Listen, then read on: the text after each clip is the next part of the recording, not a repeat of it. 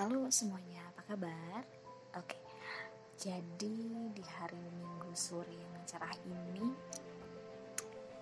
finally, akhirnya aku upload lagi untuk episode baru kita. ya memang agak lama ya, mohon maaf karena memang ada beberapa pekerjaan yang harus aku selesaikan dulu. Jadi untuk membuat podcast hari ini memang ya baru ada waktunya sekarang gitu ya. Oke, jadi hari ini aku mau membahas tentang rekrutmen. Yang paling pertama yaitu aku akan coba membahas tentang CV atau resume kalian. Jadi buat teman-teman nih yang saat ini lagi nunggu panggilan untuk wawancara atau tes uh, penerimaan karyawan atau mungkin yang lagi nyari-nyari lowongan kerja nih mau apply ke perusahaan-perusahaan yang lagi uh, mencari um, kandidat yang oke okay, mungkin bisa dengerin podcast aku hari ini oke okay. first time siapkan dulu nih kira-kira perusahaan apa nih yang bakal uh, kalian akan lamar posisinya ya apakah itu bagian di perusahaan retail, distribusi, atau mungkin perusahaan hmm, keuangan, ya macam-macam ya. Jadi kalian harus tahu dulu latar belakang ini perusahaan apa. Oke. Yang kedua adalah posisi yang akan kalian lamar. Ya. Posisi yang kalian lamar apa nih? Harus tahu nih pekerjaannya misalnya uh, perusahaan A membuka lowongan untuk posisi um, customer service. Pasti ada tuh persyaratannya uh, lulusan minimal lulusan apa terus rentang usia dari usia berapa sampai usia berapa. Terus jika memang mereka mencari yang berpengalaman minimal pengalaman kerja berapa lama itu pasti kan harus pastiin dulu harus baca uh, lowongan itu dengan jelas ya jangan nantinya tidak sesuai uh, poin mereka. Jadi loh kok ini mancingnya jauh? Gitu. nggak ada salah nggak, nggak masalah sih sebenarnya. Cuma akan jadi PR juga untuk bagian rekrutmennya gitu kan.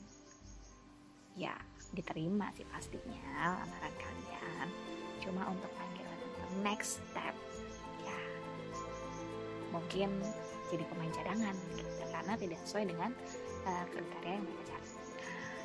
And then kedua mungkin uh, di Instagram aku uh, ada aku pernah upload juga tentang cara melamar via email. Nah, kalian bisa cek nanti di Instagramnya share ilmu, boleh. Uh, jadi aku akan lebih kepada mengirim lamaran kalau misalnya kalian ngantar langsung atau via pos pakai amplop atau mak ya. Nih, ada banyak banget lamaran yang aku pribadi terima ya di kantor aku gitu. Ada yang dipakein amplop coklat. Di mana di dalam amplop coklat itu ada map lagi gitu. Ya nggak semua sih cuma ada beberapa orang yang mungkin kenapa harus double-double sih? gitu kan. Gitu ya. Nggak ada masalah cuma PR aja maka melakukan hal kayak gitu terus isi. Nah ini yang penting ya isinya nih. Isi dari lamaran kalian itu apa aja? Ya pasti kan setiap perusahaan uh, ada kan? Misalnya uh, tolong cantumkan uh, lamaran kerja CV uh, fotokopi jasa terakhir fotokopi transkrip fotokopi KTP pas foto pak laring kalau yang ada pengalaman kerja terus surat keterangan sehat dari dokter atau puskesmas, SKCK, dan lain sebagainya ya. Jadi kan harus ya ikutin gitu apa permintaannya apa gitu kan, standarnya seperti apa gitu. Terus di bagian CV ini nih. Tidak tidak ada apa ya namanya um, standar dan CV itu harus seperti apa silahkan nggak berkreasi gitu gimana cara kalian uh, menarik perhatian para rekruter ini sehingga apa ya membuat mereka jatuh hati gitu kan. Sama deh kalau kalian lagi lagi punya gebetan. Misalnya duh gimana ya supaya mencuri perhatian dia? Nah sama nih. Soalnya pekerjaan itu jodoh-jodohan jodoh-jodohan ya kalau pekerjaan itu ya. Cocok enggaknya? Kita terima dari awalnya dong gitu. Dari CV jadi mau sebagus apa pun CV kan sekarang banyak banget ya template-template CV yang udah disediain itu banyak kan sebagus apa pun template-nya yang penting itu isinya juga penting gitu loh ya teman-teman ya. Jadi um, perhatikan lagi foto yang akan kalian tampilkan di situ. Nggak melulu sih nggak melulu harus uh, pas foto ada pas foto yang kalian harus berikan ada juga foto yang biasa kalian taruh di template CV kalian tuh kan ada kan? Nah nggak melulu harus pas foto boleh. Foto yang agak apa ya dengan with style tapi tetap aja apa ya dengan standar profesional gitu. Nggak yang kaku banget nggak yang cengengesan juga paham ya di sini maksudnya ya. Maksudnya official look dan tetap profesional. Dan uh, berikan tunjukkan skill atau value kalian di situ. Jadi jangan males nulis gitu. Misalnya kalian pernah menjadi customer service di perusahaan A sama sekian tahun. Lalu pernah menjadi customer service juga di perusahaan B selama sekian tahun. Ya jangan ditulis tahun sekian sampai sekian customer service. Di A tahun sekian sampai sekian customer service. Di B dijelaskan gitu loh. Karena pasti ada perbedaan yang signifikan antara perusahaan A dan perusahaan B. Di mana pasti standarnya akan beda gitu. Misalnya di perusahaan B oke. Okay. di perusahaan A retail sebagai customer service-nya bla bla bla bla bla. Di perusahaan B retail juga. Tapi yang menjual ini ini ini jadi ada perbedaannya nih oh. Jadi rektor lihat oh ini ya. Berarti emang dia dia udah tahu basic di situ. Dia udah tahu um, lingkungan kerja dia. Dia udah tahu pasti mengenal um, alur kerja di retail seperti apa gitu ya. Jadi ada gambar besar oke okay, nggak PR nih ngajarin orang kayak gini. Dia udah tahu dasarnya nih ya. Ya selanjutnya adalah tuliskan skill kalian kadang ada yang masih malu-malu nih atau mungkin nggak tahu nih apa nih? Sebenarnya saya bisanya apa nih? Gitu. Yang tahu ya cuma kalian gitu. Dan jangan menerka-nerka atau menerbat apa menebak-nebak ya. Kira-kira kayaknya ini deh. Nggak gitu juga. Jadi teman-teman um, pastikan juga data atau informasi yang kalian tulis itu tidak mengada-ngada gitu. Ya ada juga sudah pernah saya bahas sebelumnya mungkin nanti mungkin uh, akan aku upload lagi uh, tentang kebohongan-kebohongan apa kerja nih. Ada yang biar kelihatan oke okay, kelihatan wow jadi agak-agak lebay di sini di lamaran oke okay. jangan kayak gitu ya daripada uh, nanti bermasalah juga. Jadi apa adanya tunjukkan kemampuan kalian seperti apa value kalian seperti apa. Apa sih bedanya kalian dengan kandidat yang lain. Selain dari template CV kalian yang oke okay itu pastinya isi CV-nya juga lebih oke okay kan gitu. terus hal-hal yang nggak perlu kalian tulis di CV ya jangan ditulis. Ada beberapa uh, lamaran yang pernah saya terima. Jadi di situ menuliskan um, apa namanya gaji yang saya inginkan boleh ditulis. Cuma untuk beberapa hal hal-hal seperti itu tuh nanti itu nanti pembicaraan setelah offering mungkin ya eh, sebelum offering atau mungkin nanti udah next step gitu. Nggak perlu kau tulis di situ gitu ya. Lebih karena confidential aja. Terus juga nggak perlu juga nulisin kayak gini nih. Uh, achievement kalian. Achievement itu adalah uh, pencapaian kalian di saat kalian bekerja gitu loh. Nggak usah juga nulis juara satu lomba makan kerupuk juara satu lomba uh, balap karung RT oke. Okay. nggak gitu ya teman-teman ya. Maksudnya pencapaian apa nih? Misalnya di organisasi waktu selama kalian di kampus kalau misalnya ada yang belum uh, punya pengalaman kerja waktu di kampus gimana? Ngikutin organisasi apa apa pencapaiannya? Sebagai apa pembelajaran di situ kalian dapat? Gitu ya. Terus juga kalau misalnya nih kalian ya lulusan S1 atau lulusan S2 gitu nggak usah juga di bagian uh, pendidikan nggak usah ditulis. Dulu TK di sini nggak nggak nggak usah kayak gitu juga. Yang lebih uh, ini aja lebih nyambung aja. Dari SMA-nya S1-nya apa sekarang S2-nya apa atau sekarang lagi uh, menempuh S2 di mana dan kira-kira akan selesai di tahun berapa ngambil jurusan apa boleh. Itu boleh ditulis kalau misalnya kalian lagi pendidikan di S2-nya ya. Jadi nggak usah dari TK dari PAUD nggak usah ditulis juga ya guys kayak kayak gitu nggak usah. Terus um, di bagian skill ada yang biasanya nulis nih uh, komputer. Kemampuannya uh, Microsoft Office Excel sekian 90% ya kan Word 100% PowerPoint 100% kalau nanti benar kalian itu didukung oleh sertifikasi komputer kalian nih. Kalau misalnya enggak dan katakan dites, karena pernah kayak gini nih. Excel sampai 90% oke, okay. di dites pas tes komputer gak bisa gitu loh. Gitu kan akhirnya apa ya ada penilaian sendiri bagi kita ngapain kok tulis misalnya kamu nggak bisa gitu ya jadi jadi apa adanya aja tanpa harus dilebih-lebihkan, mencari perhatian rekruter dengan menonjolkan apa kelebihan kalian daripada kandidat yang lain. Membuat rekruter tuh penasaran, ini orang gimana? Kayaknya orang oke okay deh. Jadi memacu semangat rekruter untuk, gue oke, okay, saya jadi gak sabar mau ketemu orang ini. Pengen ngobrol banyak, kayaknya orang oke. Okay. Nyambung nih, pas nih, cocok nih orang. Gitu, gitu ya. Ayo, kira-kira teman-teman tahu nggak apa? Oke, okay next uh, part nanti aku akan buat lagi lanjutannya untuk review dan surat lamaran kalian. Oke, okay, thank you.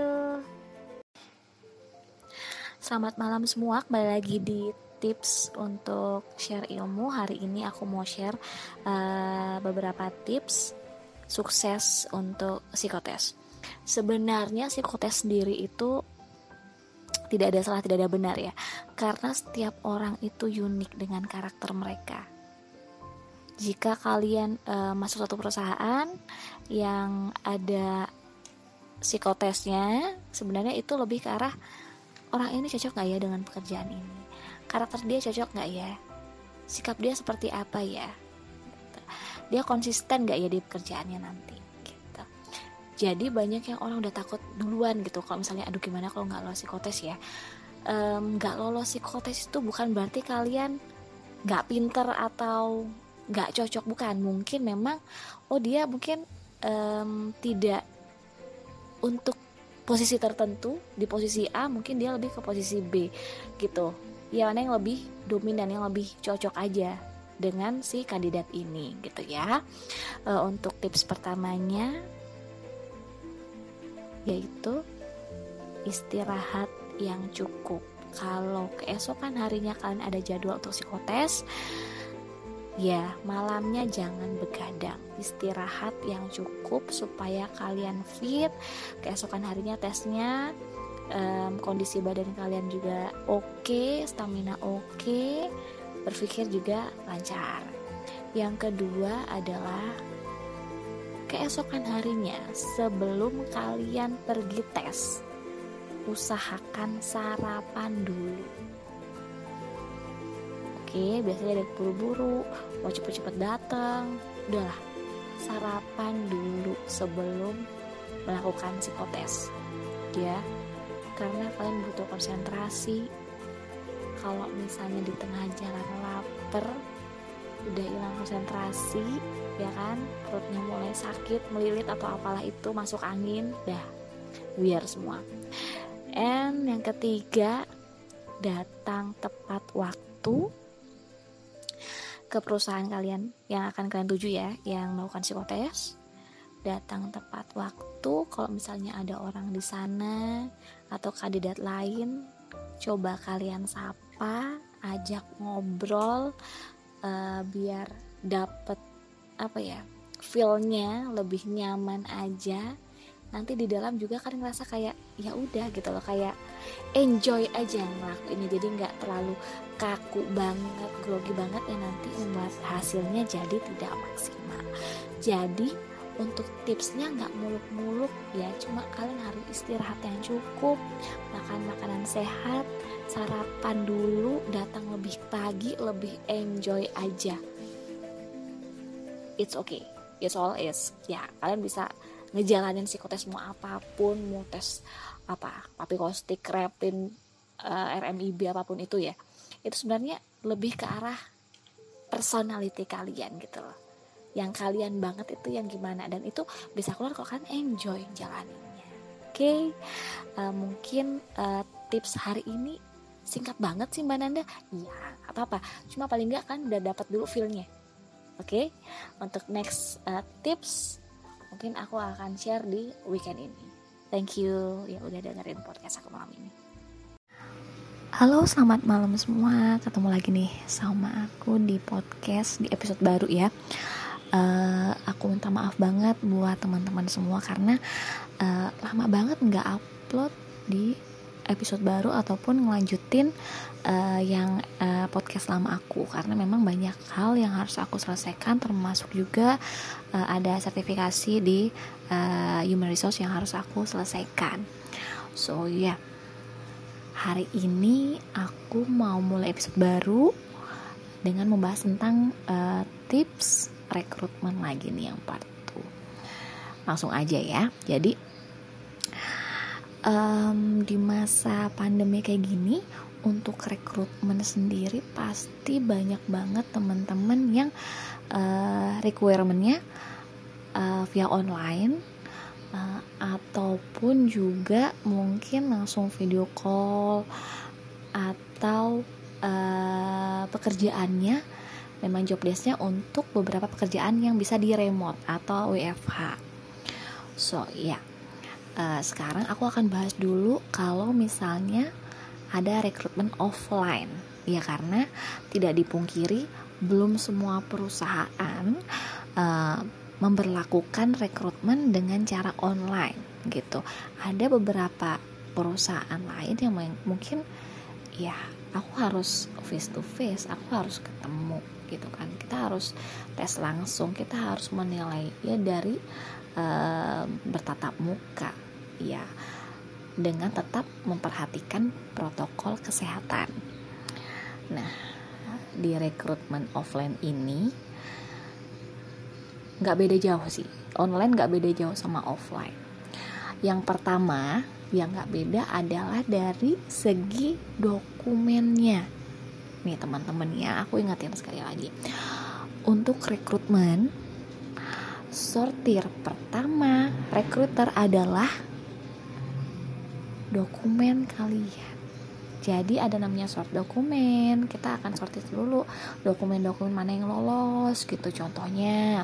Nanti kita akan mensortir dokumen mana nih oh ini ada yang kurang sedangkan kita butuh ada menyelipkan dokumen tersebut untuk jabatan atau posisi tertentu. Misalnya kalau perusahaan A meminta kalian uh, melampirkan proyek yang pernah kalian lakukan atau kalian selesaikan sedangkan di situ ternyata kok nggak ada ya? Ada lagi nih. Ada lamaran CV dan juga surat keterangan sehat. Nah itu tidak kalian lampirkan apalagi di musim-musim seperti ini ya. Kok repot banget sih mbak? Ngapain sih ya gini deh gini deh. Uh, sekarang ini lagi musim banyak orang sakit apalagi pandemi kayak gini. Jadi harus bener-bener pasti lu sehat gitu loh maksudnya kamu sehat fisik kamu dan siap untuk bekerja. Bukan berarti kamu nggak boleh setiap orang boleh sakit ya. Cuma di awal lo harus fit gitu. Apa tuh dasarnya? Itu tadi uh, surat keterangan kesehatan. Terus lagi nih SKCK ya tolong SKCK-nya tuh yang update teman-teman. Untuk persyaratan SKCK buatnya gimana apa gimana ya kalian bisa browsing lah kan. Gampang kan. Zaman sekarang juga semua udah tahu caranya. So next. Apalagi nih yang diputuhin? Contoh fotokopi ijazah fotokopi transkrip nilai dan taklaring nih kalau ada yang nggak tahu taklaring itu uh, surat rekomendasi pengalaman kerja atau referensi kerja. Ya itu juga perlu. Nah, untuk taklaring nanti urusannya sama background check. Aku akan jelaskan di um, podcast lainnya nanti di episode lainnya ya. Kita lanjut dulu. Terus foto. Nah, foto 4 kali 6 foto 3 kali 4 satu lembar dua lembar. Nah kalian harus ngikutin itu ketentuannya. Gitu. Kalau misalnya si rekruter ini meminta kalian untuk mengirimkan via email. Ya udah kirim via email. Kecuali memang mereka membuka boleh dikirimkan via email atau diantar langsung ke kantor. Dititipkan di bagian security atau dititipkan bagian frontline itu harus diperhatiin banget teman-teman ya. Mereka akan pasti kasih ya namanya lowongan tuh persyaratannya apa cara melamarnya apa dokumen yang dibutuhkan apa itu pasti ada dan jelas oke lanjut lagi. Kalau lamaran yang kalian kirimkan via email dan mereka meminta menuliskan subjeknya yaitu posisi yang dilamar ya tuliskan gitu loh. Ya jangan subjeknya kosong atau subjeknya nama tempat tanggal lahir. No no no no no. Mereka minta apa? Nama dan posisi yang dilamar. Contoh misalnya Anto strip um, sales eksekutif. Nah contohnya itu subjeknya seperti itu. Kalau lagi mereka meminta untuk di CC ke pimpinannya kalian CC email yang apa yang harus di CC ya? Sampai sini paham ya teman-teman ya? Jadi jelas gitu. Jangan sampai kamu udah buat ini pengen masuk kerjaan di situ pengen ngelamar tapi dokumen nggak lengkap. Email kalian seperti itu. Kebaca enggak tenggelam yang ada. Ya. Terus lagi nih kalau mengirimkan uh, lamaran via email pastikan jadiin satu dokumen di attachment kalau bisa PDF-nya ya. Kalau mereka kasih ketentuan nih tidak lebih dari sekian KB ukurannya atau gimana ya kalian kompres gitu loh. Jangan kalau bisa nih aku kasih saran jangan mengirimkan email dengan um, dokumen itu bukan PDF atau Word misalnya pakai RAR itu males banget. Kenapa? Karena untuk sortir itu para rekruter tuh banyak yang harus dibaca. Pasti kebaca satu-satu. Kok kalau kalian ngirimnya lewat RAR nih. Rempong banget men. Harus download dulu. Harus ini dulu ini itu dulu. Kebaca enggak sekiranya ntar dibaca malah nggak sesuai. Gitu ya. Maksudnya kirimnya lamaran simple tapi ngena banget. Tuh kayak gitu. Tuh ya kalau pengiriman uh, via email. Kalau misalnya boleh nih dikirimin uh, lewat ke kantor langsung gitu ya udah mereka mintanya apa? Kalau mintanya tuliskan nama dan posisi yang dilamar di pojok kiri atas. Tuliskan. Nitipinnya di mana? Diberikan di pos security atau di frontliner atau di resepsionis. Ya udah titip di situ. Jangan ntar kalau titip itu namanya di tukang kebon nggak nyampe ya. Gitu. Nah kalau misalnya nih dibaca lagi tuh namanya lowongan kerja. Deadline-nya kapan? Nih yang penting nih. Deadline misalnya di akhir Juni. Ya udah berarti hari ini nih akhir Juni ya. Akhir hari terakhir bulan Juni. Jamnya jam berapa? Ya pasti jam kerja. Nggak mungkin kan kamu nganterin lamaran di jam 8 malam. Tuh. Terus yang mengirim email juga dibaca deadline-nya hari apa hari apa tanggal terakhir dibuka lowongan itu.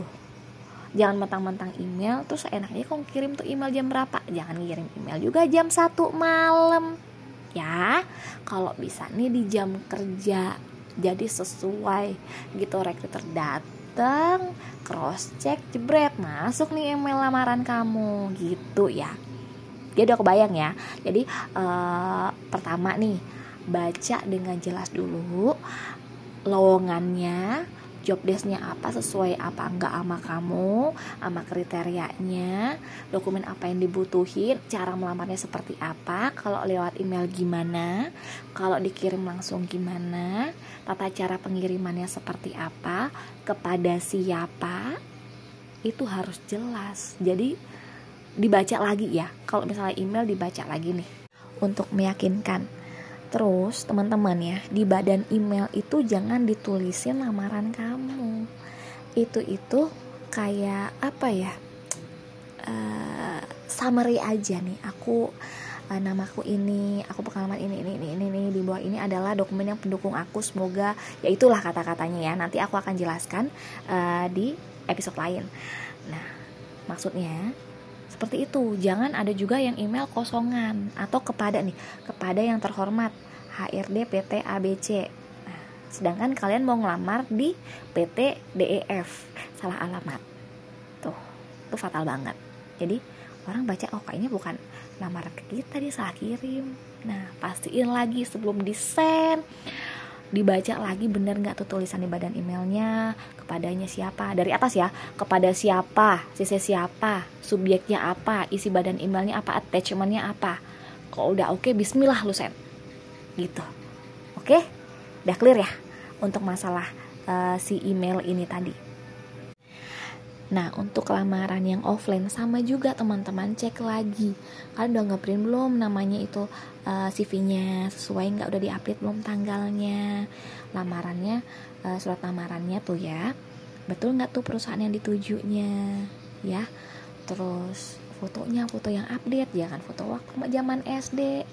Apalagi pinjam foto temennya, pinjam foto istrinya, jangan ya itu dicek lagi jadiin satu. Terus ini muncul lagi nih.